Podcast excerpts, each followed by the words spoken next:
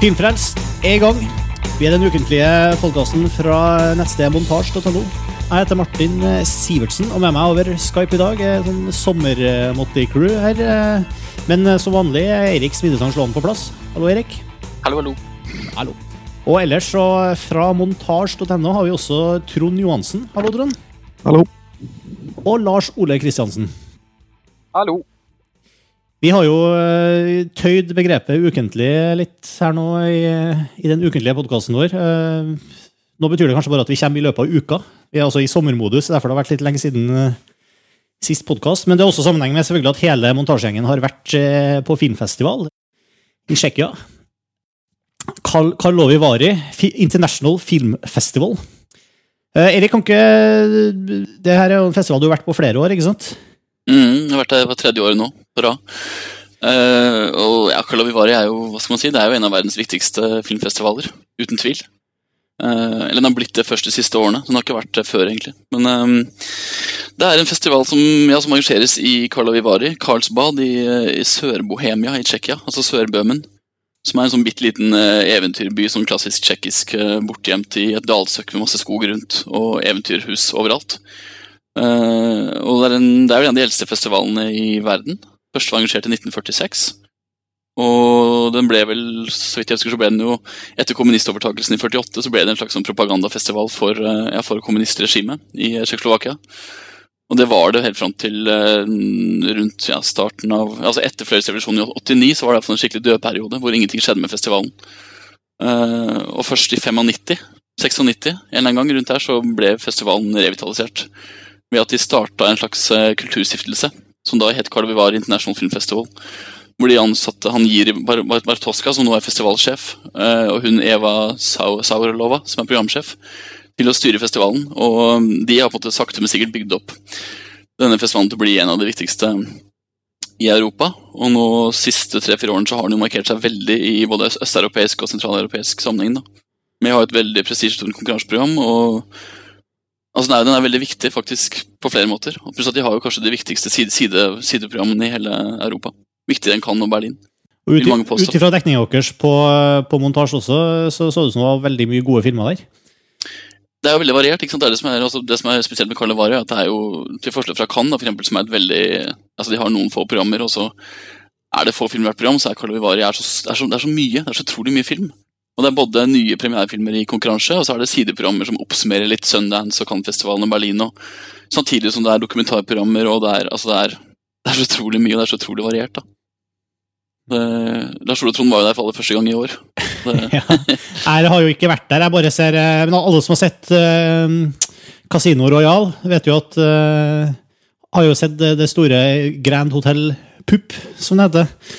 Som er altså en av de store lande, landemerkene som Det er vel der festivalen avholdes, ikke Jo, det er altså ett av, et av to hovedlocationer. Det første er liksom Hotell eh, Thermal, som er et sånn mastodontbygg i veldig sånn sovjetstil. Eh, som er på ene sida av byen, hvor det er kinosaler og gallavisninger og diverse. Og så er på andre sida av byen så ligger da Grand Hotel Pupp, som er et sånn barokkpalass. Uh, hvor det arrangeres mer sånne type middager og ja, noen kinovisninger og og sånn. Og så midt imellom her så ligger jo hele byen, og der er det da en sånn tolv kinosaler. I alt fra gamle filmklubber til sånne barokkteatre til oppblåsbare telt til altså Ja. Og alt er sånn ti minutters gange. Men det ser ut som en sånn liten koseby? Er det ja, Lars Ole, hva, hva, tenkte du når du kjørte inn til eh, Karlavi første gangen? Det første jeg tenkte, var at det så ut som en sånn miniatyrutgave av, av Disneyland.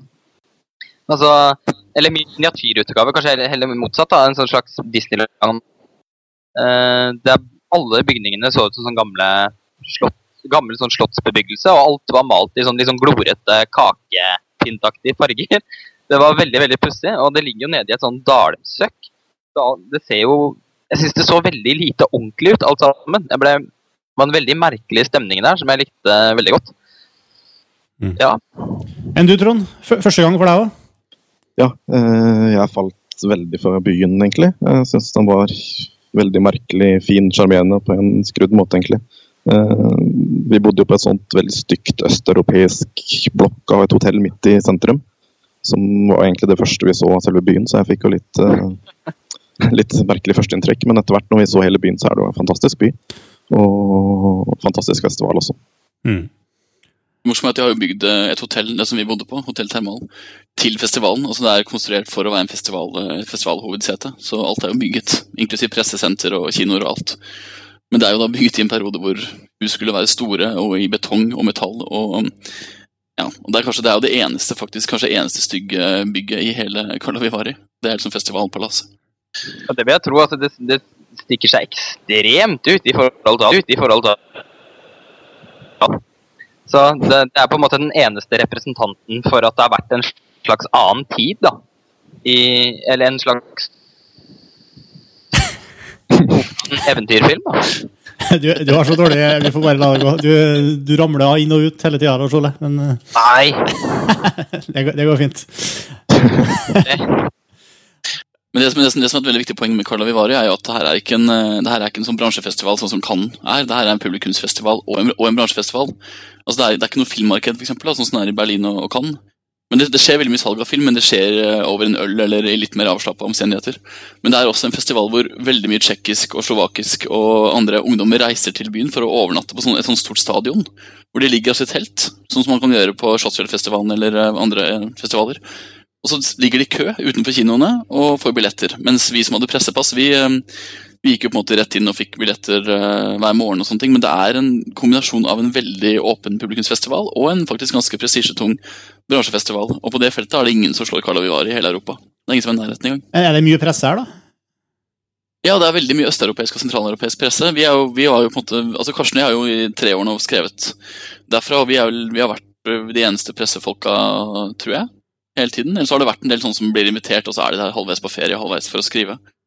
Men uh, Det er mye medieoppmerksomhet både i USA og i Sentral-Europa, men i Skandinavia så er det her en litt ukjent festival. og det sier kanskje mer om mangelen på innsikt hos uh, filmjournalister enn noe annet, men uh, det er en festival som får lite oppmerksomhet i Norden, trass i at Norden har hatt veldig mye film. Altså Norge har jo, Vi har jo vunnet masse priser også i Carlo Vivari. Uh, Joakim Trier vant jo beste regi på reprise, og Bård Brein vant for uh, kunst som tenker negativt. Det mener vi er, det er en festival som vi burde vite om. Var det noen norske filmer til stede i år, da? Det var jo Nord. Eh, mm. Ja, den har jo eh, vant jo pris i Berlin, og den har jo i det hele tatt gjort det fryktelig bra utenfor Norge. Jo, den ble jo nesten litt oversett når den var her hjemme. Jeg har selv ikke, fortsatt ikke sett filmen, og det skammer jeg meg litt over. Jeg fikk ikke sett den i Kalavivari heller, men alle forestillingene var jo utsolgt veldig raskt. Det lot til å være en veldig populær film der nede. Og så viste de Død snø i en sånn midnight uh, screenings, sånn horror-greie de har klokka tolv. Fast hver kveld. Uh, som også var utsolgt, og mm, visstnok så var det veldig Veldig vellykka visning. Veldig, ja, veldig morsom visning. Død snø. Mm. Men så er faktisk det her kanskje det dårligste året for norsk film i Karlavivari på i hvert fall fire-fem år. etter hva jeg kan skjønne. Ja, for både Nord og, og Død snø er jo jeg vet ikke, Det er vel ikke vanlig for oss å drive og premiere filmer på festivaler uansett? Nei, ikke ennå iallfall.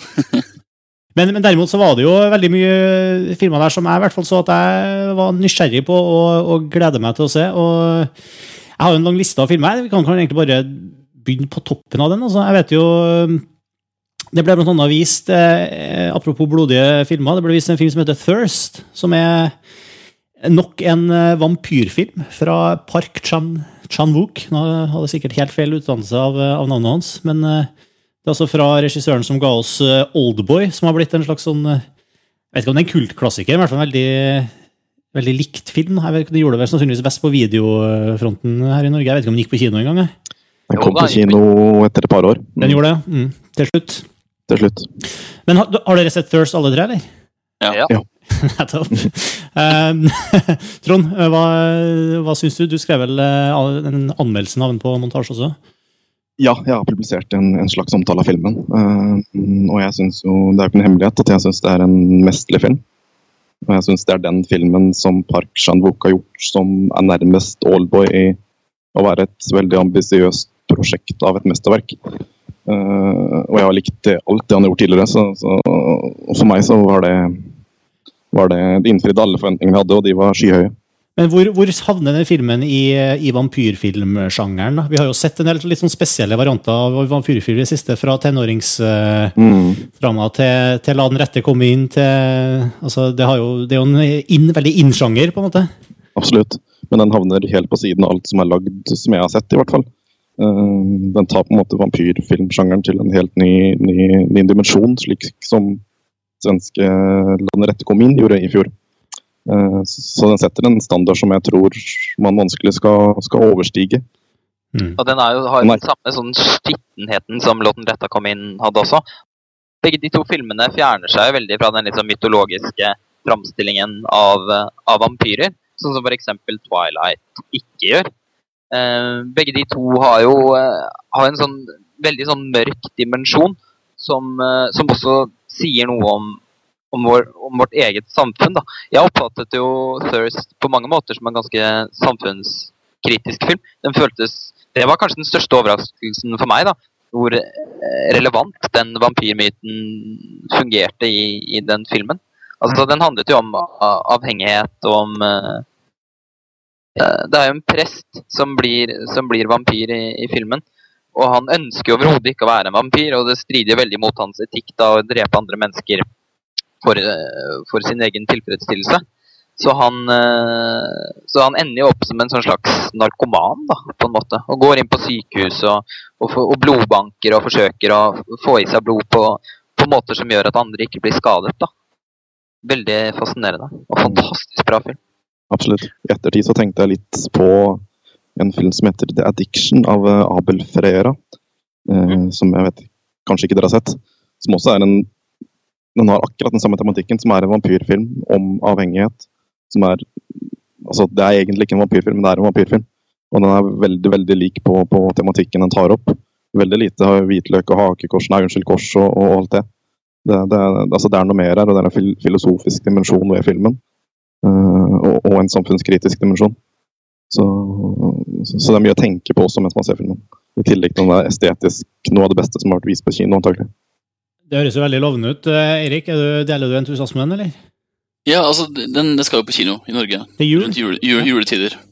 Og altså, jeg syns også at den var helt uh, utrolig. Fordi, altså, altså, Ordet ut, 'utrolig' oppsummerer veldig godt filmen for meg. fordi På samme måte som La den rette komme inn, så gir den så utrolig blaffen i hele vampyruniverset. Det er så deilig. Altså, den, den, den er, har ikke noe sånn alternativt univers. Den bare er veldig sånn tilforlatelig i hele vampyrmytologien. da. Den bare, Det er en prest som er vampyr, og det er det. på en måte. Og han, uh, og han må ha blod, men det er veldig sånn, nesten sånn prosaisk lagt opp. da. Det er veldig morsomt. Men det som filmen kanskje skorter litt på, er jo publikums appell. Altså, Den skal vanskelig kunne bli en suksess, sånn som Oldboy, for eksempel, fordi den er uh, altså den er veldig uinteressert i publikums uh, sin oppfatning av filmen. Den er, liksom, den er veldig ego i uttrykket i forhold til seg selv. Altså, den er laget nesten kompromissløst.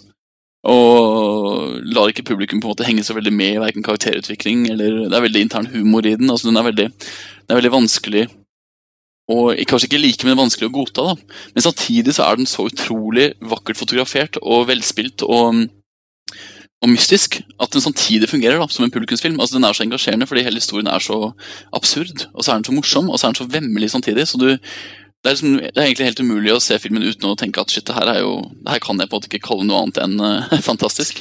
Ja, også, Fordi, jeg, også, den er også så rå, da. Altså, ja, ja. Den, er, den, er, så sjok sjokkerende rå på noe vis.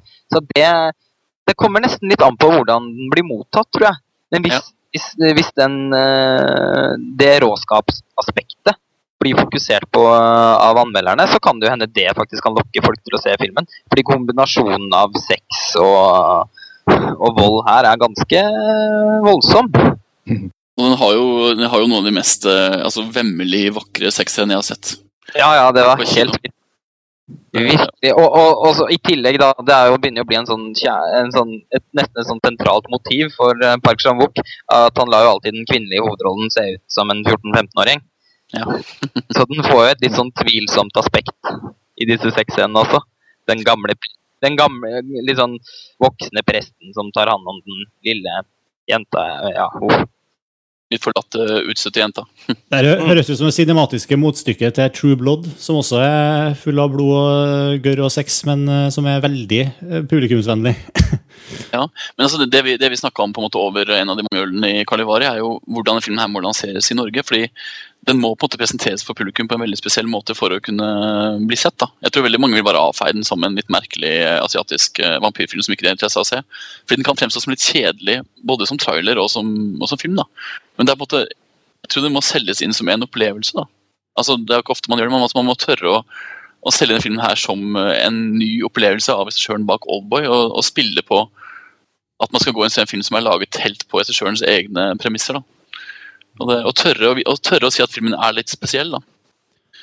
Den kommer i hvert fall eh, varmt anbefalt, åpenbart, fra, fra hele montasjeredaksjonen. Og kommer også til jul i Norge. Og det er jo en eh, en av eh, i hvert fall to sørkoreanske filmer som, som står ganske høyt opp på, på, på lista, for å si det sånn, fra Kalavi Vari. Den andre er jo Mother fra Bong Joon-ho. Nå er jeg tydeligvis episoden hvor jeg skal maltraktere re- regissørnavn her. men uh, jeg, jeg vet veldig lite om den filmen, uh, Mother. Dere har sett den, men uh, jeg kjenner jo Jeg så jo den uh, filmen for, Det er vel ikke forrige, det er kanskje forrige filmen fra regissøren, som heter The Host. Som faktisk eh, Jeg vet ikke om Den gikk, på, den hadde, gikk kanskje så vidt på kino i Norge, men eh, var vel en sånn Ja. videoleie Nei, faktisk, Den var jo, den var jo lansert, altså Arthouse lanserte den som en sommerfilm for to år siden. og Det Det var en ganske, ganske stor suksess da, på kino. Ja. Ja, Den fikk jo veldig bra kritikker i norsk presse, husker jeg. Mm. Jeg likte den relativt godt, tatt i betraktning hva den handla om. Det var, det var en veldig sånn pussig monsterfilm. Jeg husker ikke nøyaktig premissene for den, men det, du endte opp, det var et stort monster som bodde i en elv. eh, Og det, ble, det var rett og slett en litt sånn herlig blanding av action og, og horror og, og komedie, nesten. Og det, den tok, ja, det var litt sånn frist, frist pust til, til en, det man trodde var nesten en død, død sjanger. Men eh, kontrasten er jo slående til det som ser ut til å være en veldig lavmælt og intim og stille film her. Eh, Erik, du, du har sett Mother òg, ikke sant? Dere har sett den alle sammen, kanskje? Ja, vi så den alle sammen. Eh, Den er, det er noe helt annet. Men samtidig så var det jo i The Host så var det jo en sånn familiedrama-idé. da, En sånn grunnprinsipp om en familie og en far og datter, var det vel? Eller et eller annet, jeg husker ikke helt. Ja, men, men Modro er noe helt annet. altså Modro er et intimt uh, drama med få skuespillere og mye nærbilder. og Det er noe helt annet. Men det er virkelig en av de mest utsøkte filmopplevelsene jeg har hatt i hele år. altså den filmen her, fordi Den har en hovedrolle, altså hun som spiller moren, da, som er uh, bare helt uh, briljant. Og for de som er redde for den der, liksom, asiatiske, overspilte skrikebråkefilmen, som jo veldig mange tenker at asiatisk film er, så er det her liksom noe av det mest lavmælte, men samtidig interessante da, og engasjerende og spennende som er laget. Jeg synes Den var, åh, den er så fin, og så er den så nydelig fotografert. Men det handler altså om en mor som eh, får en sønn som blir eh, mistenkt for drap. Og hun begynner selv å etterforske det her, og oppdager en del hemmeligheter. Kort fortalt. Jeg har en sønn som er tilbakestående. Eh, og samspillet mor-sønn og sønn-kamerat og altså Det er et kan vi, kan vi kalle det et kammerspill? At kan vi kalle det et kammerspill? Tja vet, Det var ikke noe jeg tenkte på da jeg så filmen. Eh, For de som har sett regissørens eh, forrige film før The Host, som heter 'Memories of Murder' fra 2003, eh, så ligner den veldig mye mer på den. Det er en, det er en thriller, vil jeg si. Rent bortsett fra den første halvtimen av denne filmen her, som er ustyrtelig morsom. Ja. Som egentlig ikke er noe annet enn en komedie. Skal vi se, og så Ja, jeg, jeg, jeg syns den filmen der var Jeg tror jeg satte den på topp tre på, på min liste over, over, over de filmene jeg så der nede. Er det en film som vi vet eh, noe om? eh, Er den kjøpt i Norge, eller er den Det har jeg ikke hørt noe om. Nei? Nei, den er ikke, ikke kjøpt i Norge. Egentlig ganske rart ikke Arthouse har meldt seg på for å kjøpe den, for de hadde jo suksess med The Host, som sagt. Og Det er jo ikke sikkert at det samme publikum vil eh, Det er en veldig annen type film, ja. det er en veldig annen type film, men samtidig så det burde kunne gå an å selge den som eh, fra regissøren av The Host. Altså, Hvis man hadde forsøker å selge den som en thriller og, og ikke som et kammerspill, mener du? Nei, men altså det jeg mener med kammerspill er at den er, den er veldig intim. da. Den er, går aldri ut i de store bildene. Den holder seg veldig, eh, veldig nært karakterene hele tiden. Uh, og og det er, det er jo ikke mye handling i filmen, på en måte. Nei, den er veldig, altså, den er veldig flat, egentlig, på noe vis, da. Men samtidig Mm. veldig stemningsfull. Eh, Min lille innvending eh, mot filmen eh, er Jeg, jeg syns filmen var veldig bra. Men min innvending mot den var kanskje at jeg ikke syns at den ble intens nok, da. Fordi altså, den første, som Trond sier, så er den første aldri, men fryktelig morsom. Og, og, og utrolig kreativ. da. Jeg var veldig imponert over, den, eh, over, over filmens start. Da ble jeg veldig fanget i det universet. Men så går filmen inn i mer en sånn litt sånn klassisk thrillermodus, for den har jo faktisk en slags krimgåte. da. Mm. Og, og i begynnelsen så er den krimgåten ganske interessant. Men etter hvert så syns jeg ikke helt at de klarer å holde den ved liv. da. Riktignok blir jeg mer interessert i andre ting, og det er vel og bra, det. Hun, først og fremst så drives jo den filmen her av en fantastisk bra hovedkarakter. Hun som spiller hun moren. Og hele hun, den mother-karakteren er jo fantastisk i seg selv. Så jeg blir jo ganske mye mer oppslukt i henne enn i selve krimplottet. Eh, jeg føler på en måte at uh, filmen kunne vært, vært, enda mer, hatt en enda finere balanse mellom, mellom, de to, to, sidene ved seg. Fordi den er på en måte både et karakterportrett og en slags liten krim. Mm. Så hvis, hvis, de hadde vært litt dyktigere med å fortelle den krimhistorien, så tror jeg jeg ville følt det litt mer intenst. Da kanskje også blitt mer følelsesmessig engasjert enn det jeg faktisk ble. Jeg, var, jeg forholdt meg litt kaldt til, til filmen. Men uh, jevnt over så var jeg imponert. Altså, jeg synes det var en veldig god film med en fantastisk slutt. Sluttscenen er noe av det beste jeg har sett i hele år. Ja, den er nydelig. Siste, siste bildet er jo helt nydelig.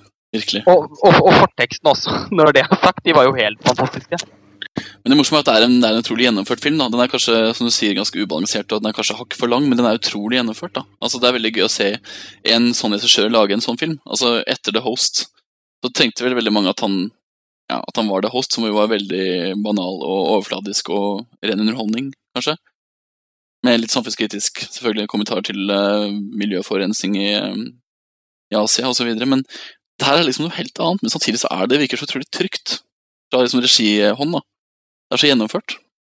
Altså Hvis man røsker bort den, den komedien som er i, i den første halvtimen, så syns jeg filmen faktisk nesten føles som en Hitchcock-aktig eh, thriller i den vanvittige detaljrikdommen som er i, i komponeringen av eh, krimgåten. Mm. Eh, jeg syns den var helt fantastisk. og den er, den er, spennende, utrolig intrikat. Den er fantastisk fotografert. Den er så smart, så kreativ og, og masse twister. Så jeg ble overrasket hele veien. Og slutten, som dere sier, er jo magisk. Altså, siste scenen da er det ene øyeblikket jeg husker best fra alle filmene jeg så i Kalavivari. Og så er det jo også en slags tragedie. Altså, det handler jo om en tilbakestående sønn som blir uskyldig mistenkt for drap. En mor som er en sånn fattigdomsmamma som jobber på si med ulovlige ting. Eh, det er et drap som har en veldig ekkel forhistorie. Altså, det her er ingen, det er ingen overfladisk thriller, på en måte. Det er en skikkelig tragedie som ligger i bunnen her. Altså. Eh, men, altså, det, jeg, vi får bare håpe at Arthouse eller en eller annen plukker, opp, plukker den opp. da. Absolutt. Ja, jeg får veldig lyst til å se den. Jeg håper jeg får en sjanse. Hvordan funker det her hvis, uh, hvis den ikke blir tatt opp på, på Kino Norge? Hvor, hva skal til for at den uh... Altså, Den kommer jo på import-DVD, helt sikkert. Uh, og den er, kan ha, regissøren er jo så, så sterk nå som, som regissør at den filmen antagelig også vil komme direkte på DVD i Norge, tror jeg. Hvis ikke den går på mm. kino. Sånn som hans forrige film før The Host gjorde. Vi, vi vanka jo litt med programfolka fra Bergen Filmfestival og Tromsø Filmfestival, altså Biff og Tiff. Og de har jo tatt inn en del av de her, og de skal ha premierer på altså De, de slåss vel seg imellom om å få Skandinavia-premiere på en del av de her. Ja. Så jeg tror litt av clouet er jo kanskje å ta en tur til Tiff i januar. at noen av de filmene må man rett og slett på, på, filmfest, på filmfestival for å få sett på, på storskjerm. Ja, og man kan jo si hva man vil om det, men uh, ja. Nei, men det, det høres jo ikke ut som noe uting å være på filmfestival. Nei. uh, hvis vi veier oss litt bort fra, fra Mother og Sør-Korea til, til, Storbritannia Fish Tank så jo spennende ut. Jeg så mange hadde den på sine topplister. Uh, det er Andrea Arnold som uh, jeg husker lagde en film som heter Red Road, som var veldig spesiell. Jeg husker i hvert fall veldig, Det var veldig mye bruk av overvåkingsbilder og litt sånn lavmælt, uh, litt dyster Suburbia-film. Hva slags film er Fishtank, Lars Ole? Ja, ikke så helt ulikt fra sånn som du oppsummerer Red Road, Martin. Den, har, den foregår også i et sånn, litt sånn sliten Suburbia-landskap. Og kameraet har en veldig sånn forfølgende Det forfølger karakterene, da. Så man får en litt sånn derre overvåknings... Den har faktisk også en litt sånn overvåkningsstemning over seg. Ikke i like stor grad som i Red Road, men der var det faktisk en del av motivet i historien òg, Og det er det jo ikke den gangen her. Dette er jo en teenagerfilm om en jente som som på en måte ikke har noen interesser, ikke har noen, later ikke til å ha noen særlig venner, har et veldig dårlig forhold til, en, til moren sin, som er helt forferdelig. Uh, er på en måte, måte bare faller mellom absolutt alle stoler. da. Og hun er innkapslet i en grå joggedress i hele filmen. Og eh, er kanskje bare en av de vakreste karakterene jeg noen gang har sett på film. Eh, virkelig. Eh, jo mer jeg har tenkt over filmen, jo mer har den vokst hos meg. da. Jeg syns at uh, den sitter faktisk ganske sterkt igjen. Det er et veldig enkelt, veldig enkelt karakterportrett av en jente som, som på en måte ikke engang egentlig forsøker å komme seg ut av et forferdelig meningsløst en veldig meningsløs tilværelse. Og hun, de små forsøkene hun gjør, som, som f.eks. hun forsøker å danse og melde seg på en sånn eh, melder seg på en sånn konkurranse for å få jobb som danser. og liksom Hun er ikke noe flink. og Hun har en bitte liten MP3-spiller med noen triste høyttalere. Det er ingenting som Det, er det høres ikke ut som noen feel good-film, det her heller. Nei, men det er det ikke. Altså. Det er en skikkelig feel bad-film, faktisk. Trond, hva syns du? Uh, jeg, jeg, jeg deler mye av de meningene som Lars Ole har her. Jeg synes bare vi må nevne navnet på, på hun som spiller hovedrollen her. heter Katie Jarvis. For det kan kanskje være den eneste filmen hun spiller i, etter hva jeg har skjønt. Eh, Hun er en jente som ble oppdaga på gata mens hun krangla med kjæresten sin. Eh, Hun har droppet ut av skolen, hun er arbeidsledig, og nå har hun fått barn, sånn at ikke hun kunne være til stede på, på filmfestivalene hvor hun vinner alt som er av priser. Eh, Og hun er helt fantastisk bra. Eh, Filmen er også fantastisk bra. Nå gjentar jeg mye meg sjøl, fordi vi så nesten bare bra filmer der nede. Det er jo en veldig møkkete britisk arbeiderklasserealismefilm ikke sant? med masse aggresjon og sinne. Mye håndholdt kamera. En veldig pessimistisk film. Og jeg ble litt satt ut av hele filmen, men den har også, i likhet med Lars Ole, så har den vokst veldig på meg når jeg har kommet hjem. Jeg ser også at Michael Fassbender spiller. Eh, Grunnen til at jeg Mm. kjenner igjen det navnet, er at jeg likte jo Hunger veldig godt, som der han har hovedrollen. Og han er jo en av de nye store nå som, som kommer for full fart med Hunger og Inglorious Bastards, og, og skal også være med i Neil Marshall Centurion. Så, så, men han setter seg i skyggen her, da, selvfølgelig, av Katie Jarvis. Mm. Hvordan ligger den an i forhold til Norge, Erik? Fyrstein? Eh, den, er kjøpt inn av eh, Arthouse. Skal på kino i løpet av høsten. Eh, men jeg må jo si altså min mening om filmen er jo ganske annerledes enn Lars Ole og Trond sin mening. fordi altså sånn I forhold til plott da, eller i forhold til pitchen på filmen, så tenkte jeg at det var jo bare en av de virkelig Altså de filmene man har sett veldig mange av de siste årene. da Nettopp denne britiske sosialrealismen som iallfall jeg er ganske lei av. Men Andrea Arnold, regissøren, som lagde Red Road, som sagt, hun er jo interessant i seg selv. Og hun, og hun som gjorde at jeg virkelig var gira på å se filmen. Uh, hun fikk jo Oscar for Wasp, kortfilmen Wasp tilbake i 2003. Og har vært i Cannes-konkurranse både med Red Road og den filmen her, og har fått jurypris for begge to. Så hun er på en måte en av de virkelig store, nye kvinnelige stemmene da, i europeisk film. Og utrolig sympatisk dame. Jeg har sett henne på pressekonferanse, hun er jo bare helt uh, altså, hun er elskverdig til tusen. Men filmen for meg funka ikke. Altså jeg synes, eh, Til forskjell fra Red Road, som jeg syns var virkelig, virkelig mm, gjennomtrengende bra, så ble det her faktisk litt sånn intetsigende og litt kjedelig. Og det hadde kanskje noe med at nettopp av de årsakene som Lars Ole Trond mener er positive, så syns jeg at det ble liksom Det ble på en måte ikke noe nytt. da. Det ble litt kjedelig. Og selv om selvfølgelig hun hovedrollen er veldig veldig bra og veldig solid, så jeg lot meg ikke engasjere av filmen. da. Og etter festivalen så har den faktisk gått litt i glemmeboka for meg. da. Så jeg vet ikke, jeg syns Jeg var egentlig veldig skuffa. Selv om jeg ikke kan se bort fra at Andrea Arnold regissøren, har virkelig, altså hun har et kjempetalent med skuespillere, og hun, hun har teft i å virkelig lage en sånn nesten dokumentar eh, stil som er veldig fin. Men nå håper jeg at en eller annen produsent eh, ber henne sette en film til en, eh, et urbant landskap. da, En skikkelig storbyfilm. Eller at hun, ikke, at hun får en annen type tematikk. At hun beveger seg litt bort fra akkurat det her. for det, det kan fort bli litt kjedelig hvis hun fortsetter å jobbe i det samme universet hele tiden. Og Ja, nei, der, må jeg si meg litt enig med, med Eirik. da, at eh, Jeg håper jo på en måte Jeg, jeg følte at dette var så fullendt som en, et sånt Suburbia-verk. At jeg håper hun kanskje går videre og gjør noe annet neste gang.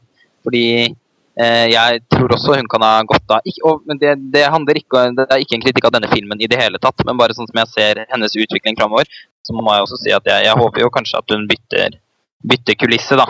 Eh, for, å, for å kunne leke seg med litt andre med litt andre bilder enn den eh, Suburbia-settingen. For den, den, den har jo en viss begrensning, det er det ikke noe, noe tvil om. Som kler denne filmen i seg selv helt fantastisk bra. Eh, jeg synes det er ja, som det har gitt uttrykk for, en utrolig bra film. Men, eh, men jeg ser også at hun, eh, at hun gjør noe nytt neste gang. Vi er litt splitta på Fishtank der, altså. Men, men Eirik, en, eh, en annen film som du likte derimot veldig godt, også fra kvinnelig regissør, eh, Ondi Timoner, amerikansk, som heter We Live in Public. Den, eh, er det en dokumentarfilm, så vidt jeg kan skjønne? Ja, det er en dokumentarfilm. Det, det var jo det desidert beste jeg så i, eh, i Carla Vivari. Og det desidert beste jeg har sett i hvert fall de siste tre-fire månedene. Det, altså, Ondi Timoner er jo en dokumentarist som har vunnet eh, regipris i Sundance to, to år. Eller to, to, ganger. Den første faktisk som har vunnet to ganger. Første var for Digg. En slags rockedokumentar om eh, bl.a. Danny Worlds. Eh, og da også for den her, We Live in Public. Mm. Og Det er en film om Josh Harris, som er en sånn ukjent internettpioner. Som var den første som begynte å jobbe med chattjenester på nettet og TV-sendinger på nettet. I det hele tatt faktisk før noen kunne laste ned, for det var ikke nok båndbredd båndbredde å kunne se på. Men han lagde, altså lagde reality-TV, og han lagde chat, og han hadde TV-sendinger tidlig, tidlig. Han hadde nettopp et pseudo.com, som jeg aldri hadde hørt om før. Ja, blant annet. Og han, uh, han sto bak veldig mange sånne tidlige tjenester, som selvfølgelig var så tidlig at ingen andre fikk det med seg. For at ingen hadde jo nettkapasitet å kunne gjøre noe med det. Men han, han, han, var på en pioner i forhold til veldig mange ting som i dag er veldig helt A4 internettjenester. Pluss at han er veldig kjent for at han faktisk han, eller han er kjent og ukjent for at han låste inne en gruppe mennesker i en bunker i New York, midt i New York, eh, og lot de være der helt fram til eh, 2000-skiftet. Altså Alle var jo med på det, men han lagde en sånn totalitær fasciststat hvor alle måtte signere og gi fra seg alle rettigheter. og ja, Felles dusjer, felles måltider, eh, doktrine, regler osv. Eh, som ble filma. Eh, og det her ble jo selvfølgelig holdt hemmelig, men eh, det er på en måte det første reality-konseptet. da. Selv om han selv tar ikke æren for å utvikle reality, men det var jo egentlig han som først hadde ideen. da. Så i forhold til internett i dag, så er jo det her en mann som virkelig han er en av de viktigste. Men ingen vet hvem han er, da. Og dokumentaren handler om at de her Facebook, MySpace-gründerne har ikke engang hørt om Josh Harris. Altså De som i dag driver fremover sosiale medieutviklingen i verden, de, de kjenner jo ikke til mannen som starta det. Så hun, Ondi Timoner har da fulgt denne mannen i ti år. Uh, av og på. Delvis så ble hun uh, nekta å filme han, delvis så ble hun invitert til å filme han, delvis så ble hun tvunget til å signere kontrakt om at de ikke kunne gi ut filmen, delvis så ble hun bedt om å klippe den ferdig. altså Det har vært en sånn prosess frem og tilbake hvor denne Josh Harris har kontrollert hele filmen. da. Fram til et punkt hvor uh, Timoner husker ikke helt hvorfor, men hun greide å få til en kontrakt hvor hun fikk fullstendig kontroll over over 5000 timer med materiale. Hun da brukt for å klippe sammen en time og 40 minutter lang dokumentar som tar utgangspunkt i Josh Harris sin karriere fram til nå, men som samtidig blir en sånn skikkelig gjennomgang av internetthistorien. Eh, og som var, var, så engasjerende og energisk at uh, ja, altså jeg var helt paff etterpå. Og vi så den jo faktisk sammen, alle utenom Lars Olav Trond. Og eh, nesten Altså, når vi ikke tar kinoen, så var det en sånn sitring i kroppen etter å ha sett den. Fordi vi følte på at vi hadde sett en dokumentar som handla om vår, uh, nesten vår oppvekst da, med internett. Eh, samtidig så fortalte en historie som er helt uh, utrolig om denne mannen. Men, men, men det får meg til å lure på, altså, når ingen av oss har, og ingen, ingen har hørt om Josh Harris, men samtidig så er det han som starta alt, og altså, gjør hun Ondi Timoner han større enn han egentlig er gjennom en sånn film? Eh, eller altså, er det reelt, det, den historien hun presenterer? Er det ja, ja, det er jo en sann historie. Han kom jo ikke godt ut av det. Altså, han, han kom, kom i hvert fall ikke ut som noen helt.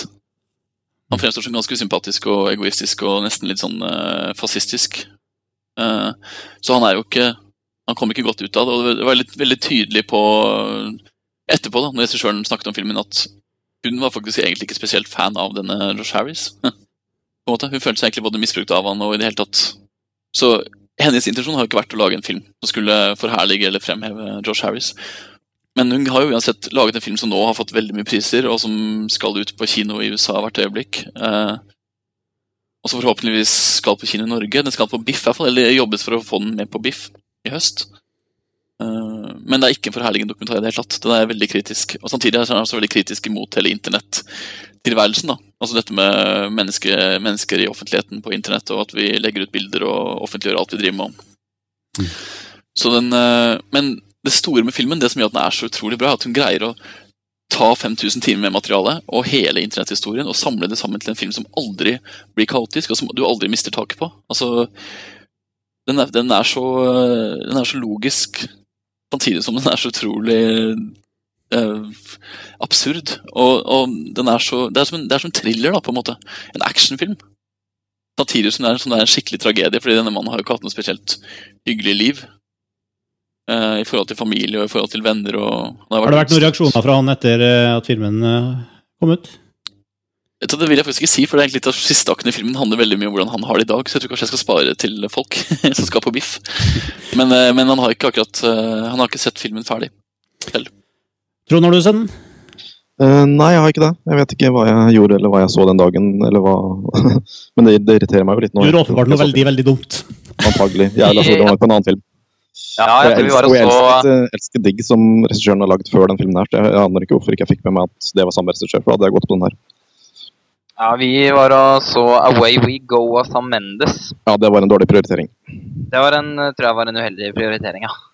Men det som er så viktig med William Public, er jo at den nå får norsk eh, distribusjon. Altså, Jeg kan snakke om den filmen her i timevis, og hvorfor den er så bra, men til Arthouse, eller til eh, Sandrew, eller til SF Norge, det er en film som handler om internettilværelsen anno 2009, og den viser, altså, Det er en generasjonsfilm, samtidig en film som i hvert fall mine foreldre vil være engasjert i, for de vil forstå mye mer av min tilværelse på internett i dag.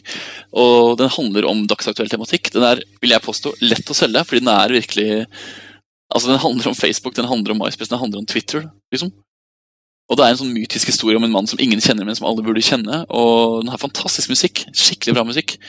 Og den er, altså Hvis ingen kjøper den filmen her, så vil jeg få påstå faktisk at det er en liten skandale hvis det norske publikum går glipp av, eh, av filmen. da. Jeg håper at TV-film om tre år. Ja, nettopp. Og det vil jo være en virkelig, det vil være kjipt, da. En film som er så dagsaktuell. Så jeg håper at den kommer eh, altså ikke bare på biff, men at den faktisk får kinodistribusjon. Men eh, Trond, du har sett uh, en annen amerikansk film, Cold Souls. Den har jeg Med- sett. Paul Giamatti i hovedrollen. Eh, Mm. Jeg tror jeg så en trailer for den, kanskje på norsk kino, kan det stemme? At, at det ikke en trailer eh, jeg Vet jeg ikke, den har ikke jeg sett. Nei, ok. Jeg har i hvert fall sett trailer for den. Den ser jo eh, veldig sånn spesiell ut. Litt sånn Mm. Jeg fikk litt sånn uh, Kaufman uh, Synecdoche-vibe. Den er veldig Kaufmann. ja. kan ikke fortelle litt om, om hva den handler om? Nei, altså, det er en film om Altså, det er Paul Giamatti som spiller Paul Giamatti. Altså, han spiller en eh, karikert versjon av seg selv. eh, som eh, finner ut at han vil legge sjelen sin til eh, lagring. eh, fordi han trenger ro til å gjøre en god rolleprestasjon eh, i et stykke han er med i. Og så skjer det masse forviklinger, da. Altså absurd utgangspunktet der. Men idet han legger sin sjel til, til lagring på et sånt selskap som har spesialisert seg på det, så, så, så forsvinner den på mystisk vis. Så det viser, noen, viser seg at noen i Russland da, driver med såkalt soul trafficking. Eh, så, sånn at den smugles til, til Russland, og det er en russisk kvinnelig skuespillerspire da, som, som ønsker sjelen til en kjent amerikansk skuespiller. Og da får hun Paul Giamatti sin sjel, selv om hun tror det er Tom Cruise. Eh, eller George Clooney var det kanskje.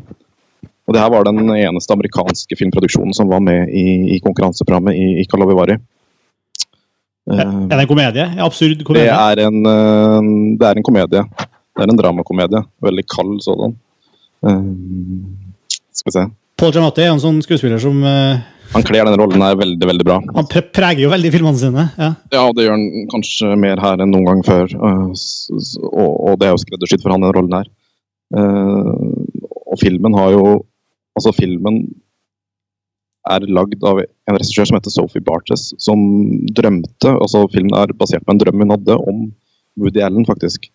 Eh, Om Woody Allen. om Woody Allen, altså Hun hadde en drøm om Woody Allen som oppsøkte denne klinikken for for å lage sjelen sin der. Eh, Så Paul Giamatti skulle egentlig vært eh, Woody Allen. Ja, antagelig skulle, skulle, skulle han ha vært det. Men, men altså, han gjør filmen, rollen kjempebra. Han er egentlig det beste med hele filmen. Eh, fordi jeg syns filmen går litt i den Charlie Kaufman Light-fella, og den blir ganske Den er litt kjedelig. Den er ikke helt der. Den, er ikke, den trekker det ikke langt nok. Har dere noen andre som har sett den? Nei. Det, så, Lars Ole for, for, forbeholder seg retten til å være taus. Nei, du, du, må, du, du må nesten si det på nytt, Lars Ole. eh, dessverre ikke. Ok, det var, ja, det var ikke mer enn å si. det er absurd. ikke... Jeg merker at uh, jeg hadde hatt litt lyst til å ha sett den pga. denne. Jeg er veldig Woody Allen-fan. Uh, og jeg, jeg synes jo den Det hun regissøren har fortalt da, om at hun har drømt om Woody Allen, og at det i utgangspunktet var en film med han i tankene, gjør meg jo litt interessert. da. Men uh, jeg har ikke noe sånn Ifølge det Trond har fortalt, så, så forventer jeg jo ikke noe stort. Nei, den filmen her kommer ikke til å bli noen stor, stor suksess på noen måte, tro heller. Men, men ja, den er severdig, og den, den er jo interessant. Men Greit nok. Um, noen andre, hva, hva er liksom favorittfilmene? eh, hvis vi skal, Det er jo masse masse filmer som jeg ikke har, har nevnt foreløpig. Uh, Lars Ole, har du noen, eh, noen klare favoritter som vi ikke har prata om ennå? Ja, det har jeg to stykk som ikke har blitt nevnt foreløpig. Én er den helt soleklare favoritten min. Det er en av de beste filmene jeg har sett noen gang. Det er Das Weisse Band, eller Det hvite båndet, som det heter på norsk, av Michael Haneke, som vant Gullpalmen i Cannes. Som jeg også har skrevet en lengre artikkel om på, på montasje. som kom på kino i Norge 26.12. Og da skal vi selvfølgelig Det tipper jeg vi kommer til å vie en hel filmfellsepisode til. Det tror jeg vi trygt kan, for det er en film man kan snakke og skrive masse om. Og som garantert kommer til å være sentrum for mye debatt og analyse i mange år framover. Jeg vet nesten ikke hva Det er nesten en film som det er vanskelig å snakke om hvis man ikke har veldig god tid, fordi eh, det er et veldig, veldig komplekst eh, verk. Og et, eh, et tydelig hovedverk da, fra Michael Haneke, som er en regissør jeg alltid har satt veldig pris på. Da. Jeg synes jo jeg, jeg har sett veldig mange av filmene hans veldig veldig høyt. Jeg syns jo 'Cachet' var et mesterverk. Jeg syns også egentlig 'Pianolæreren' er det. Så jeg, liksom, jeg hadde veldig veldig store forventninger til Das Weiße Band, men eh, de forventningene ble nesten knust, altså. Det høres veldig lovende ut. Vi, vi, vi hopper ikke i dybden på den, men eh, vi noterer oss den bak øret. og Den kommer i desember, og vi prater mer om den da. Jeg kan snakke litt mer om den andre favoritten min, Ja. som er uh, 'Brutte omfavnelser' til Pedro Almodovar. ja. Som jo selvfølgelig, Han er også en av mine store favoritter. Og jeg hadde veldig forhåpninger til den filmen her, på tross at den fikk faktisk litt sånn blandet mottakelse i Cannes. Uh, ble- Den fikk ikke på langt nær så store ovasjoner som f.eks. Volver uh, gjorde for et par år tilbake. Men likevel så hadde jeg liksom følelsen av at, at, det, at det var noe med den filmen. da, fordi Bare ut fra å ha sett traileren da, og egentlig lest, uh, og lest responsen som filmen har fått, så fikk jeg for meg at den hadde en sånn veldig sånn fin blanding av, humor og, og melankoli. da. Og, det, og den melankolske siden ved Pedro Almodovar er, sånn, øh, egentlig, er nok den jeg setter aller mest pris på hos han. altså. Og øh, i så måte var jo brutte omfavnelser bare helt fantastisk. Jeg synes det koste meg nesten helt i stykker. så. Los abrazos rotos, som du, som som du skriver i, i omtalen din. Dette er Almodovars Fellini-film, og en gave til de som vet å kjenne, vet å kjenne smaken av virkelig sofistikert kunst. Det var jo store ord. Ja, det er store ord, og det er en stor film òg. Altså, eh, Almodovar den er på en måte som et slags oppsummeringsverk for Almodovar. da. Han, han knyter sammen masse ting som han har berørt i tidligere filmer. Altså, man har en sånn, så for eksempel, Vi har en blind mann her, altså en blind regissør. Som, og hele hans karakter og den stemningen i de, i de scenene med han minner veldig om, om Snakk til henne. Og så har vi sånn melodram, en sånn kjærlighetsmelodrama inni her som minner litt om Volver. Eh, og så har vi no, sånn rett ut sånn sitcom-komikk omtrent, da. Som, som minner om eh, kvinne på randa av nervøst sambrudd. Og i tillegg så er jo dette en metafilm som handler om å lage film, og om en mann som har mistet evnen til å kunne lage film fordi han har blitt blind, osv. osv. Det er et veldig sånn komplekst uh, verk om, om filmkunst. da. Et, virker også på meg som et veldig personlig verk fra Almodovar sin side. Jeg syns dette her er en av de topp tre beste filmene han har laget noen gang. Noe av det beste jeg har sett i år. Erik, har du sett den? Nei, jeg Nei. har ikke det. Jeg jeg gleder veldig. Men det her, her får jo, den her får jo premiere hvert øyeblikk, da. I, er det ikke slutten av august? Tror du? Eh, jo, jo, eller begynnelsen av september, tror jeg. Ja. Det er jo det mulig vi, mulig vi kommer tilbake til den nå, faktisk.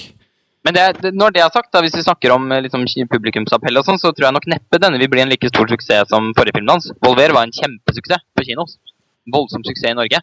Uh, det tviler jeg på at denne filmen her blir. Det er en mye vanskeligere, uh, vanskeligere og mer kompleks film. Men han har jo med det seg Penelope Cruise igjen. Det har den, men eh, hun er i litt mer sånn, en litt mer introvert rolle kanskje da, enn i Volver. Der var hun jo et publikumsfrieri uten, uten like. Og hun er i og for seg et lite fyrverkeri i den filmen her òg, men ikke, ikke helt på samme Hun er ikke like sånn likende, da. Jeg vet, jeg vet ikke.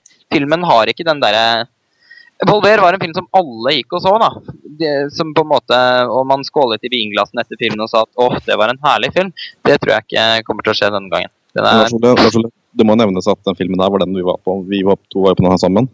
At Ja. det var filmen med definitivt mest elektrisk stemning i salen. Altså Det var jo applaus i flere omganger etter filmen var ferdig. Vi opplevde ikke det på noen annen film. Nei, det, var, det har du helt rett i. Det var jo helt fantastisk. Men det tror jeg har litt å gjøre med at det stort sett var filmkritikere som satt i sikkerhet, som satt i sikkerhet, som satt i en helt spesiell status i, på filmfestivaler i det hele tatt. da. Han er jo nesten definisjon, han, tenker jeg, på en sånn filmfestivalregissør. Jeg, jeg tror at alle eh, har en liksom har et såpass, Jeg tror de aller fleste har et såpass nært forhold til han som holder på med film, da. At, uh, at han skaper en sånn stemning veldig lett. Mm, bortsett fra meg. Ja, bortsett fra deg, da. Ja, du likte den ikke, Trond? Nei, altså, Jeg har ikke noe forhold til Almodovar i det hele tatt. Altså, jeg har sett én film av han før. Um, men det er noe med universet hans som ikke appellerer noe særlig til meg. Syns det er litt sånn feminint og fremmed.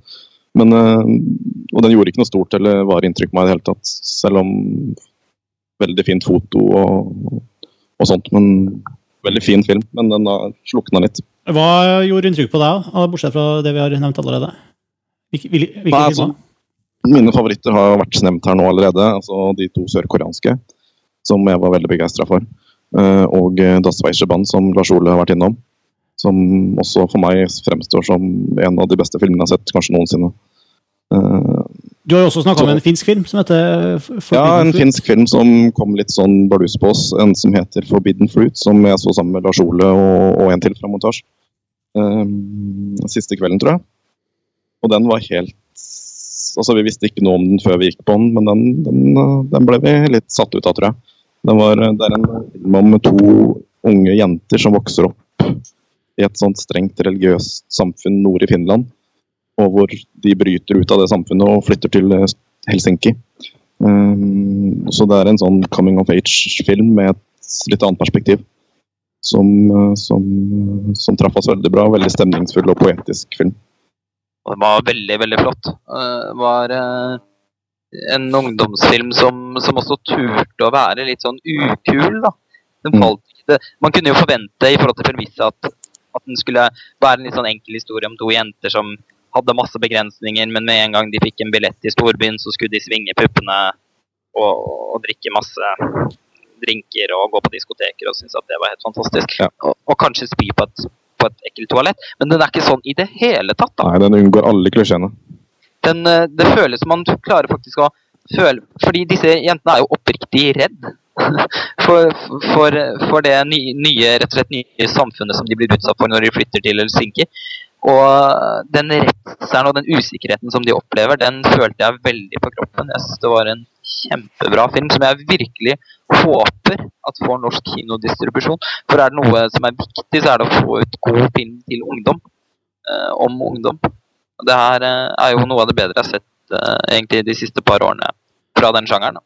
Mm, absolutt. Det var altså Forbidden Fruit fra Finland. Vet vi noe om, eh, om, om den i forhold til Norge? Det er ikke en film jeg har hørt om før heller, så jeg har ikke Det er vel også en potensiell festivalfilm, men, eh, men det er nok ikke noe film som får norsk kinodistribusjon, tror jeg. Nei, Finske er, filmer er vel vanskelig å selge inn på, på norsk kino. jeg tror det er litt ønsketenkning fra min side, ja. Men, men den kommer vel på, på internasjonale filmfestival, tror jeg. Det gjør det nok. Mm. Men apropos gode ungdomsfilmer som vi så, så må vi også nevne en polsk film, da. Ja, uten tvil. eh, Som var med i konkurranseprogrammet, som heter eh, Swinky. Piggis. Piggis. Den så vi alle sammen. Ja, hva slags film er det? Nei, altså Tittelen betyr vel prostituerte tenåringer, så, så det er jo veldig alvorlig tematikk som tas opp om smågutter som prostituerer seg i, i Polen, skråstrek Tyskland. Det er jo en ganske, altså, i utgangspunktet en ganske grusom film, da, som faktisk unngår å bli grusom, for at den er fortalt utrolig, utrolig flott. Altså, den er den er veldig fin til å være en film som handler om så ekle ting. Så er den jo selvfølgelig full av vemmelige scener og ekle karakterer og overgrep og, og vold. Men samtidig så greier den å fortelle en ganske fin historie om en gutt som dessverre har store problemer. Men det er en typisk film som bør på kino i Norge også. Som jeg har gjentatt nå flere ganger, men det er også en sånn film som bør, og som jeg tror har et publikum da i Norge. Det tror jeg, altså, Den her tror jeg kan gjøre det ganske bra. for det er, det er sannsynligvis en film som vil få fem og seks på terningene av kritikerne. Mm. Og som, som litt sånn litt sånn kulturbevisste personer vil tenke at det er en film de bør få med seg. Da. Litt sånn nesten av plikt også, pga. temaet som den handler om. Men det som er veldig fint, som må understrekes med filmen, og det er jo, er jo Gå inn på det som Eirik sa, er at den er jo ikke veldig grotesk eller veldig veldig grusom. altså Den er egentlig ganske nøktern i måten den skildrer uh, dette miljøet på. Og det som jeg syns er veldig fint med den, er at den oppleves faktisk som en ungdomsfilm. da. Den har, den har en litt sånn teenageaktig, teenagerfilmaktig kjærlighetshistorie der. Altså, den, er ganske, den er litt sånn søt. Den opererer innenfor et veldig sånn tenåringsunivers. Eh, og det syns jeg var en veldig styrke ved filmen. Dette er ikke en film for voksne om eh, prostituert uh, ungdom. Det er en film for ungdom om prostituert ungdom, og det likte jeg veldig godt. Det er vel nesten en type sånn skolefilm som kunne vært vist på ungdomsskoletrinn, kanskje? Videregående? Ja. Absolutt. Den minner jo den, altså, den påminner jo nesten litt om den fantastiske tyske filmen 'Christiane F'. Ja, virkelig. Det er et godt eksempel, faktisk. Men det er jo en film som faktisk vil gå i glemmeboken hvis ikke Biff Tiff eller uh, Oslo Filmfestival plukker den opp. Men um, det er det som er problemet med Karl Vivari. Man ser så mye bra film, og så tenker man shit, det er alle de hjemme i Norge som går glipp av alt det her. Piggis er jo en av de filmene som, som Lars Ole sier, jeg, jeg, tror den har potensial til å nå ganske mange. da. I Norge. Jeg ser, jeg ser for meg forsiden på Aftenposten, liksom. Med ja. sånn det, Ja, det, det, er bare tanker, men jeg tror at den kunne gjort det ganske bra. Altså. Og det var en, var en, veldig fengende og engasjerende film. Det var en, også en veldig lett, faktisk en overraskende lett film å se. Den var litt sånn uh, midt i smørøyaktig til tider der. Men den, også, men den var også voldsomt sterk på sitt beste. Altså, og, og sluttscenen jo, sitter, sitter, veldig i. Ja, den var, jo, den var jo ganske rå. Og som du sier, Men den midt i smørøyetheten ved den også var veldig nydelig, da. Altså, den, den, den, den, eh, altså den her litt sånn dårlige, kjipe teknomusikken, eh, de gyselige klærne som de syns er kule å gå i er liksom litt, Måten der er iscenesatt på, er ja det, ja det, påminner veldig om en sånn midt i smørjeserie, men det er det på en veldig sånn Det gjør bare filmen enda finere. Mm. Det blir litt sånn sårt på en eller annen måte. Mm. Piggis, som vi forhåpentligvis, men uh, sannsynligvis ikke får for seg. Erik, eh, har du noen eh, favoritter som, som vi ikke har nevnt? Nei, Jeg sitter og bladde gjennom, bladde gjennom billettene mine nå fra festivalen. Det er en ganske stor bunke. Men det er jo veldig mye vi har sett som ikke vi får snakke om. Men Serafin, franske Serafin må jeg nevne, fordi det var den første jeg så i Carla Vivari. Uh, og Serafin er uh, årets store franske publikumsvinner, da, og også prisvinner. Den vant syv César-priser, altså den franske Oscar-utdelingen, på en måte. Uh, og er en biografisk film om livet til uh, Serafin de Sonly, som er en fransk naivistisk maler som levde sånn ja, 1860-tallet til 1940 en gang. Uh, som er kjent for uh, sånne repetative blomstermotiver i sterke farger. Naivistisk? Ja, naivistisk. Veldig naivistisk. men det her er jo da typisk klassisk fransk budsjettert produksjon om en stor fransk personlighet, som er da fortalt av en regissør som vet hva han vil. Og den minner veldig mye om La Vie en Rose, altså denne Piaf-biografien som gjorde det så kjempebra på norske kinoer. I, I, utgangspunktet så er den veldig lik, men samtidig så er det en helt annen film. Da, for den er faktisk bra. Det var jo ikke La Vie en Rose, annet enn hovedrollen til Marion Cotillard. Men det her er en sånn type film som ikke kommer til Norge. Og det er derfor jeg vil snakke om den. fordi her snakker vi om den altså, klassisk til fingerspissene perfeksjonert fransk film, hvor produksjonsdesignen er så nydelig at du tenker bare det er ingen som gjør det bedre. Fotoarbeidet er, altså Lyssettingen er helt liksom, Du kan sitte bare og grøsse over hvor flott det er gjort. da. Nærbilder og tablåer og alt det er helt fantastisk. Musikken liksom er eh, som fransk film jo er, hvis den er eh, bra på musikk, så er den jo bedre enn noe annet. Fordi den er så subtil, samtidig som den er en slags sånn merkelig noen modal, folkemusikkaktig, nesten Hardingfele-inspirert uh, musikk, som er veldig fin.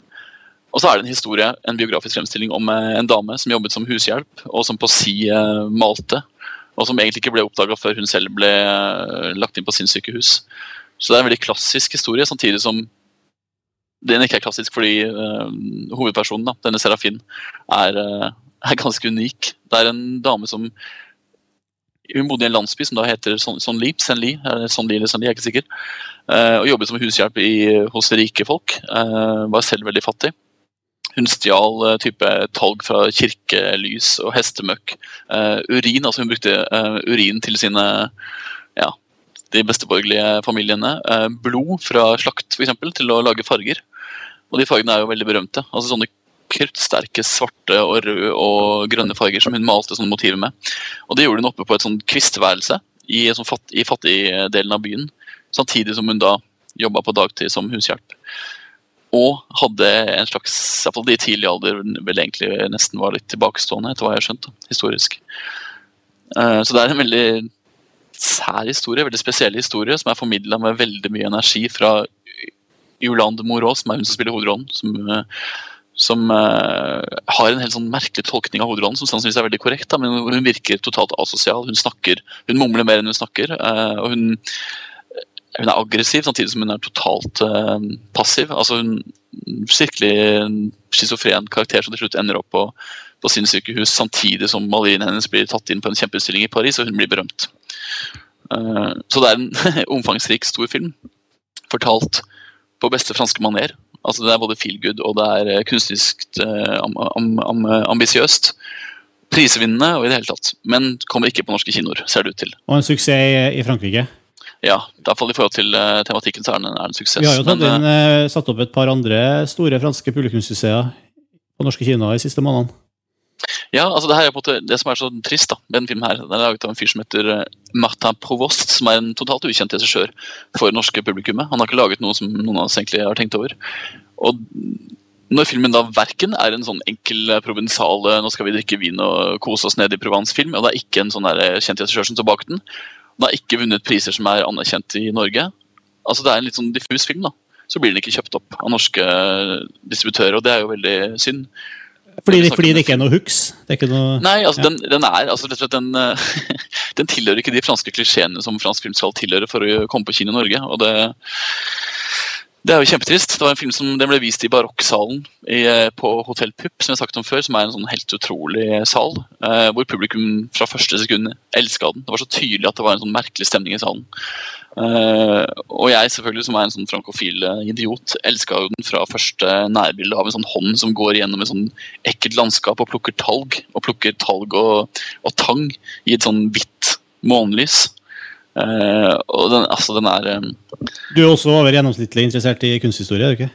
Ja, jo, kunsthistorie er én ting, fransk film er en annen ting. Men samtidig, det her er en film som har så allmennappell, fordi hovedpersonen sin historie er så engasjerende og så, eh, og så, tragisk. Altså igjen, Det handler om en dame som først blir oppdaga når hun selv havner på sinnssykehus etter å ha malt i mange mange år. Hun blir forlatt av sin mesen, da, en sånn slags, slags sånn, en veldig kjent kunstner heter det, kunstnerkjøper. En uh, gallerist som på mange måter satte i gang naivistbølgen i Europa. Uh, altså der, alt det her er jo basert på virkelige hendelser. Men uavhengig av min interesse for fransk film, uavhengig av min interesse for eh, biografisk film og for periodedrama og for kunsthistorie, så er det en film som faktisk har skikkelig publikumsappell. Uh, og igjen, jeg tror den har et liv på norske kinoer, og igjen så håper jeg at Arthouse eller noen plukker, plukker den opp. Jeg tror faktisk at den er ganske lett å selge også. Der, er en oppfordring. Um, før, før, vi eh, hopper fra Klavi Vari, det er jo masse flere filmer å prate om, selvfølgelig, men særlig én som jeg tenkt, som får en del uh, oppmerksomhet rundt omkring, som uh, som jeg vet i hvert fall en kanskje flere akkurat har sett. Det er den nye filmen til Niklas, Vending, Niklas Winding Reffen. Danske regissøren som vi kjenner fra som han bak Pusher-filmene og Bleeder.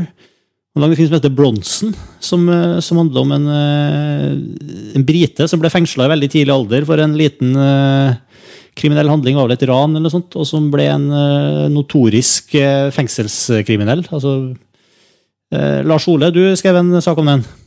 Ja. Kan ikke du sette, sette scenen litt bedre enn jeg gjorde? uh, ja, altså, den, den syns jeg var helt jævlig. Det er den dårligste filmen jeg så i Calavivari. Det er vel egentlig den dårligste filmen jeg har sett i hele år, tror jeg. det er jo ikke alle som Ja, den får jo delt, delt mottakelse rundt omkring, ser jeg. Ja, den kommer sikkert til å smykke seg med at dette er en elsk- eller hatfilm. Og det, det fortjener den i hvert fall ikke. Så den fortjener kanskje ikke mitt hat, egentlig. Altså, det er en vellaget film. Eh, Nicolas Winding Refn er jo ikke, er ikke, en idiot bak kamera. Altså, Pusher, for eksempel, er en veldig intens, intens uh, film. Så jo det, er jo det er ikke hans talent det er noe galt med her. Men uh, dette er en film som fra, fra nesten etter, allerede etter fem minutter er dypt uinteressant. Fordi det, den har en hovedkarakter som er veldig veldig merkelig og veldig veldig karikert, og som ikke har noen bunn. da. Han, skal, han er liksom den grusomste fengselsfuglen som noen gang har vært i, i Storbritannia. Han har blitt fengslet altså, utallige ganger da, fordi han er et, et, et, et ultravoldelig svin. Og filmen forsøker jo å artikulere en veldig sånn parallell opp mot A Clockwork Orange. Uh, den har liksom Den har masse scener i sakte slåssescener i sakte film med klassisk musikk. Uh, den har en, en, del scenografi som påminner om A Clockwork Orange osv. Og, så og det syns jeg også blir fryktelig kjedelig. Clockwork Orange er jo en av mine favorittfilmer. Som hos de aller fleste som elsker film.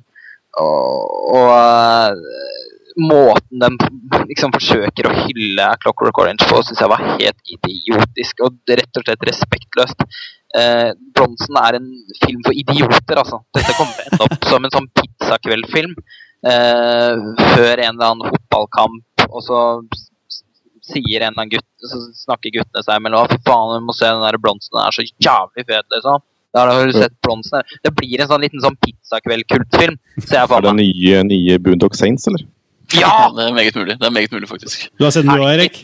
Ja, det er veldig, ja, det er veldig altså, alt Lars Ole sier er, nå ikke Jeg så, jeg hater han ikke så intenst, men problemet til filmen er jo at den går så hardt ut fra første sekund. da, Og skal være så ultrakul og så stilig og så gjennomstilisert at du ja. Igjen, da. med med vold, liksom? Nei, altså, da, altså plottet er Dette er tidenes mest voldelige britiske fengselsfugl. Og det er plottet. For det er jo, en sånn, det er jo basert på en sånn altså, det er jo en reell... Ja, ja, og han er fortsatt ja. i fengsel for alt jeg vet. Men, eh, men altså, det er plottet, da, på en måte. Men det er jo greit. Altså, det er morsomt med filmer som har tynt plott. Det kan være interessant. Men, men det her er en film som går så totalt ut fra første sekund liksom, og sier at 'jeg er så utrolig kul'. Og hvis man da ikke faller for den kulheten, så hater man filmen, altså. Så intenst. Fordi den er så selvopphøyd og egoistisk og narsissistisk. Og som Lars Ole sier, med en karakter som faktisk aldri, aldri får noen historie, som aldri får noen bunn, som Lars Ole sier igjen. Den er liksom, det er bare vold på vold på vold, stilisert med masse kul musikk, for så vidt, men uh, det blir ja, og så blir det pinlig da, når de forsøker å gi han litt dybde. For det er jo noen sånn innklipp her hvor han, en, sånn, som en slags hverfremdungseffekt, hvor han står foran et stort publikum i en kinosal og liksom forteller om, om seg selv. Det ble! Det er liksom et sånt krampaktig forsøk på å gjøre den karakteren interessant. Han er ikke interessant, han er dum som et brød, han er et svin, og mer er det ikke. Og dette skal vi sitte og se på i halvannen time, eh, og, med, masse sånn liksom morsomme, tørrvittige kommentarer som jeg ikke trakk på smilebåndet engang. Ja, det var jo faktisk det var veldig, det var veldig stille i salen også. Var, altså, nå er jo kanskje publikummet på en filmfestival noenlunde mer engasjert i filmen enn gjennomsnittet, men det var ikke mange som lo. Det var ikke mye latter i salen når vi så den. Nei, det kan neppe ha blitt noen festivalfavoritt, tror jeg. Det kom jo en eh, film for en del år siden fra Australia som het Chopper, med Erik Bana i hovedrollen. Det høres jo litt sånn konseptmessig likt ut. Jo, men det er faktisk det er en ganske god sammenligning, bortsett fra at den hadde en viss grad av sjarm. Eh, det har jo ikke den filmen i det hele tatt. Men det som jeg vil si om, eh, om Bronson, som er faktisk kanskje det, det kjipeste jeg kan si til regissøren og til filmen, er at i all sin kulhet og i all sin trendighet så føles den utrolig utdatert. da. Føles som den er gjort 150 ganger før. Og når en film som da, så, ja, men det, ja, men det, er, det, er, faktisk, kanskje det er det slemmeste jeg kan si om filmen. Da, til filmens intensjoner er at den føles utdatert visuelt, narrativt, karaktermessig. så er den fullstendig utdatert. Det føles som en sånn 1997-1998-runk à la Snatch eller Bondock Saints. Veldig! Den er veldig der, og det, jo, det må jo da understrekes til alle lyttere at jeg hater jo alle disse filmene. jo, men, det, jo, men, jo, men, jo, men altså, i, i, sin tid så var det filmen interessante for at de hadde noe nytt. ikke sant? Men når det kom en sånn film i 2009, så, så da, ja, trekker man litt på skuldrene og tenker man, ja, det her har vi sett før. og ja, da Du er flink til å bevege kamera og du er kul med musikken, men eh, jeg har sett det før, dessverre. Og så avviser man det. Og det er så viktig. Det er Mitt favorittord på filmfest er jo å avvise. Fordi når publikum, av, jo, men, jo, fordi når, når, publikum avviser en film, så er filmen uinteressant. Og, da, og det er det man gjør da fra første eh, scene i denne filmen her. Så avviser man hele ideen til uh, denne Nicolas Winding-Refen. Det er sant. Og det, det, hvis, jeg skal, hvis, jeg skal, forsøke å si noe litt hyggelig om filmen, så er det én ting, og det er faktisk nettopp Den, eh, den bruker mye synthpop-musikk. Og jeg er veldig glad i synth synthpopen bruker synthpopen veldig veldig bra. Den burde, jo, den burde jo gjort det hele tiden framfor å Framfor denne klassiske musikken, som blir en altfor overdydelig parallell til Clockwork Orange. De gangene den kjører på og spiller litt Patch Up Boys og det ene og det andre, da, da, da lever filmen litt for et par minutter av gangen. Men det morsomme er at det her, altså vi var jo på en festival hvor eh, fortrinnsvis er det ganske mye drama. Preger eh, festivalprogrammet. ikke sant? Og vi, det er jo en typisk film som ville ha på en måte markert seg som en veldig morsom film.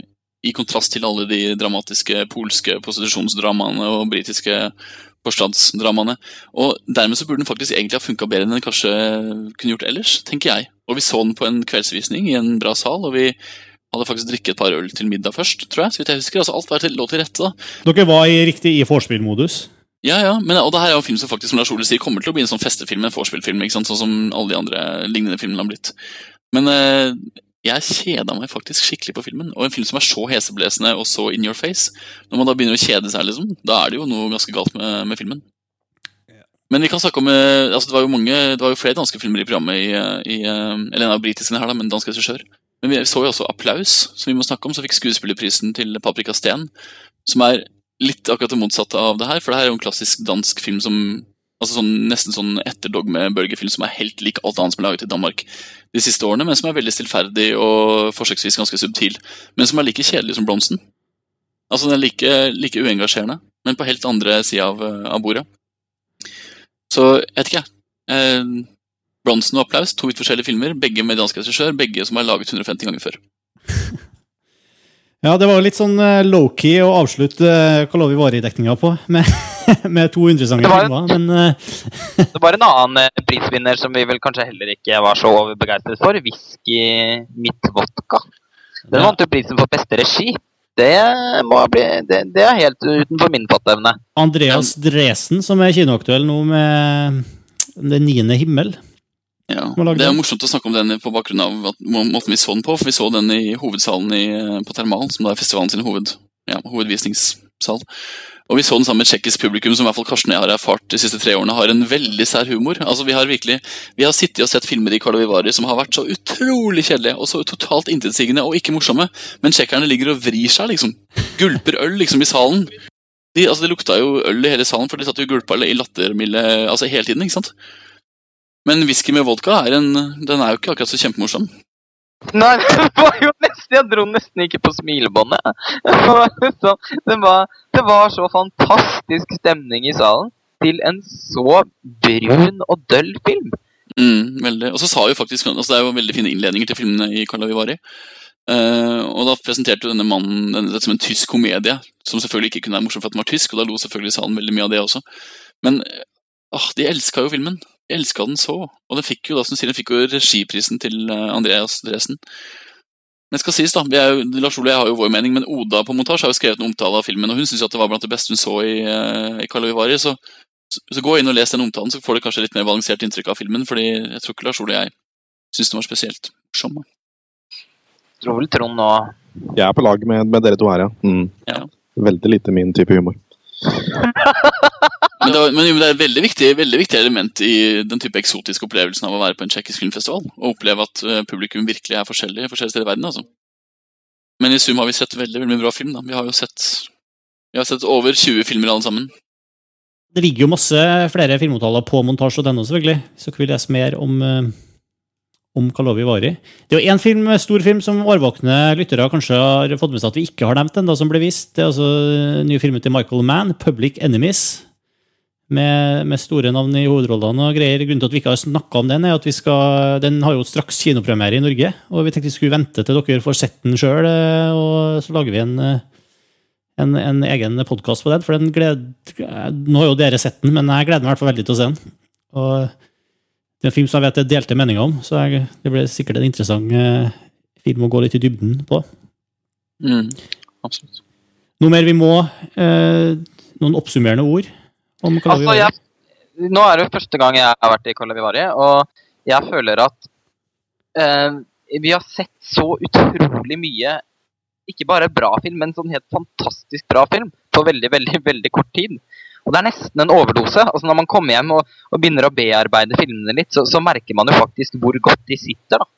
Og å få disse filmene som en mitraljøse etter hverandre eh, inn i kroppen på så kort tid, det er ganske voldsomt. Og jeg må jo si jeg gleder meg veldig til å se en del av disse filmene igjen når de kommer på kino. Fordi det, det er ikke helt lett å liksom først gå og se Da Spice Band, og så gå og se Forbidden Fruit, og så gå og se Fish Tank med liksom én times mellomrom på samme dag. Eh, Det, altså Sånn som eksempel Fish Tank, da, som faktisk virkelig Jeg likte den veldig veldig godt da jeg så den, men den har begynt å vokse veldig i meg etterpå. Uh, Gud vet hva som skjer hvis jeg ser den en gang til uten å ha sett Das Weisseband først. det er liksom det, det, er veldig, det er veldig spesielt å se så mye film eh, så intenst.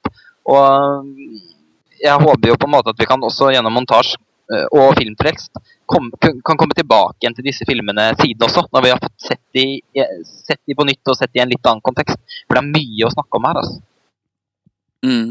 Jeg vil avslutningsvis bare trekke fram at det er så få nordmenn som reiser til. Eh, Både distributører og, og andre. Og at jeg syns faktisk at det er litt eh, banalt at ikke distributørene velger å dra til, eh, til. I år så var det TIFF-representanter Tromsø Filmfestival som skulle velge filmer til TIFF. Det var BIFF-representanter, og det var én person fra Arthouse. Ellers var det nesten var det ingen norske i, i Vary som hadde noe med innkjøp å gjøre. eller noen ting.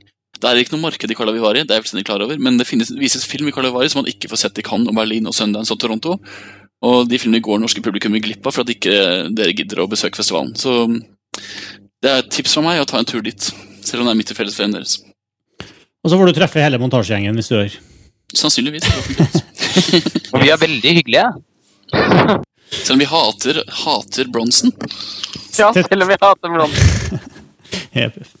Nei, men det er veldig bra. Før vi runder av, eh, vi premierte en, eller vi, vi starta en ny greie i Filmfrelst siste episode. En eh, liten konkurranse som vi tenkte vi skulle fortsette med. altså hvor eh, som rett og slett går ut på å gjette hvilket filmklipp vi spiller. Altså Vi spiller et filmklipp som du får høre i 15-20 sekunder, og så skal opp til deg som lytter da, og høre om du, og sjekke om du klarer å gjenkjenne filmklippet og gjette hvilken film det er fra.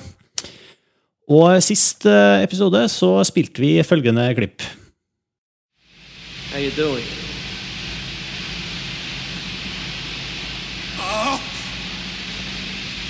Please, God, no, you're one of them, aren't you? You're one of them. No, don't, don't kill me, please, no, please. Don't kill me, don't kill me, please, please, Whoa, please, whoa, please, whoa, please, relax. Relax. I'm not gonna hurt you. I'm not gonna hurt you. Og eh, vi fikk en del mail tilbake fra folk som hadde eh, helt korrekt gjetta at, eh, at det her var da fra en film eh, fra 1988. En av mine eh, absolutt favorittfilmer. Kanskje topp, eh, faktisk på topp fem, vil jeg tro. Um, som um, Jeg kan ikke garantere at det blir mine favorittfilmer hver gang vi, vi spiller et klipp, så det er ikke noe hint. Altså. Men um, eh, Øystein Nilsen var den første som sendte oss mail og skrev at klippet var fra Die Hard. Og han, han skriver at det handler om det første møtet mellom John McCain à la Bruce Willis og superskurken eh, terroristen spilt av Alan Rickman. Det er selvfølgelig helt riktig, bortsett fra at eh, som Øystein også sendte oss en, en ny mail på etterpå, sa at han kom i skade for å skrive John McCain. og Han heter selvfølgelig John McClain. Men uansett, en kjempefilm. eh, Jeg valgte jo den fordi vi prata jo om actionfilmer sist gang i forbindelse med Transformers. og Særlig du, Erik, og, og, og Karsten var jo liksom eh, haussa veldig opp eh, den første Transformers-filmen som liksom den ultimate, og, og The Rock for så vidt også som ultimate actionfilmer.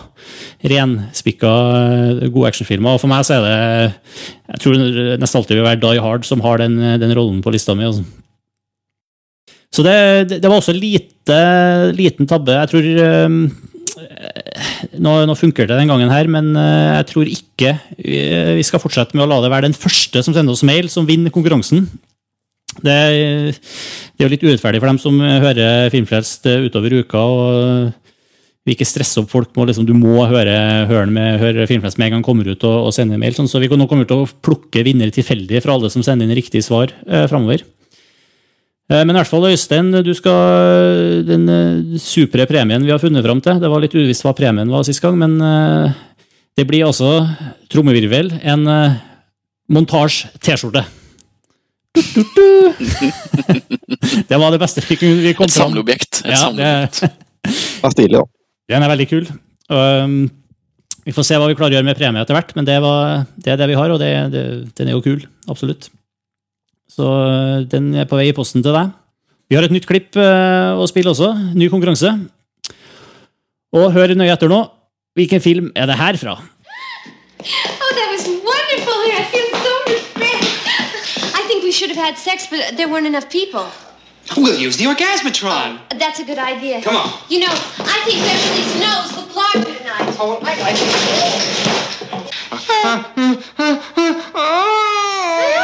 Oh. Det var også ukas klipp. Hvis du vet hvilken film det var fra, så send oss en mail. Filmfrelst at montasj.no. Og det er også samme mail. Bare, bare skriv konkurranseklippet i um, tittellinja. Og det er også samme mailadressen du kan bruke hvis du har noe innspill eller noe tilbakemeldinger til oss her i Filmfrelst. Uh, Eirik, Lars Ole og Trond, takk for, eh, takk for i dag, skulle du si. Takk for oss. Ja, Takk for oss. Veldig kult at dere kunne være med og gi oss en skikkelig Kalavi Vari-rapport. Vi er tilbake med Filmfrelst om ca. én uke. Det, nå skryter jeg på meg, selvfølgelig, fordi vi er jo i sommermodus, så det kan fort bli to uker. Men eh, jeg tror neste episode blir altså Public Enemies, faktisk. Eh, Eller skal vi prøve å presse inn en til mellom der, Erik? Vi kan jo prøve å ta en liten Harry Potter-episode også. Det er jo tross alt Harry Potter vi snakker om. Kanskje? Ja, Jeg er gira, jeg. må vi? La oss se. Okay, La oss se. la oss se. Vi skal i hvert fall ha en Public Enemies-podkast, det er helt sikkert. Ja, Den har jo premiere 24. juli, så mulig vi rekker en uh, filmfest. Vi får se vi får se hva vi får til. Og da blir det heftig krangel, for de må ta seg fullstendig uenige om Public Enemies. Vi er en liten teaser på det. Vi er helt uenige. Det blir en stor krangleepisode. Det blir mye krangel, ja. Jeg vet ikke sjøl hva jeg syns ennå, for jeg har ikke sett den ennå, men eh, uansett, det blir bra. Vi høres eh, om eh, en eller to uker. Hei, Ha det bra. Ha det bra.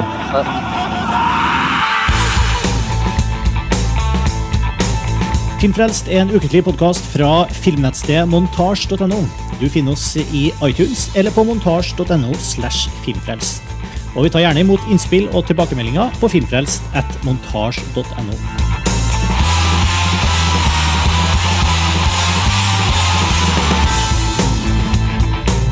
Og musikken du hører nå, er fra det norske bandet Ping. Hør mer på thepingpage.com.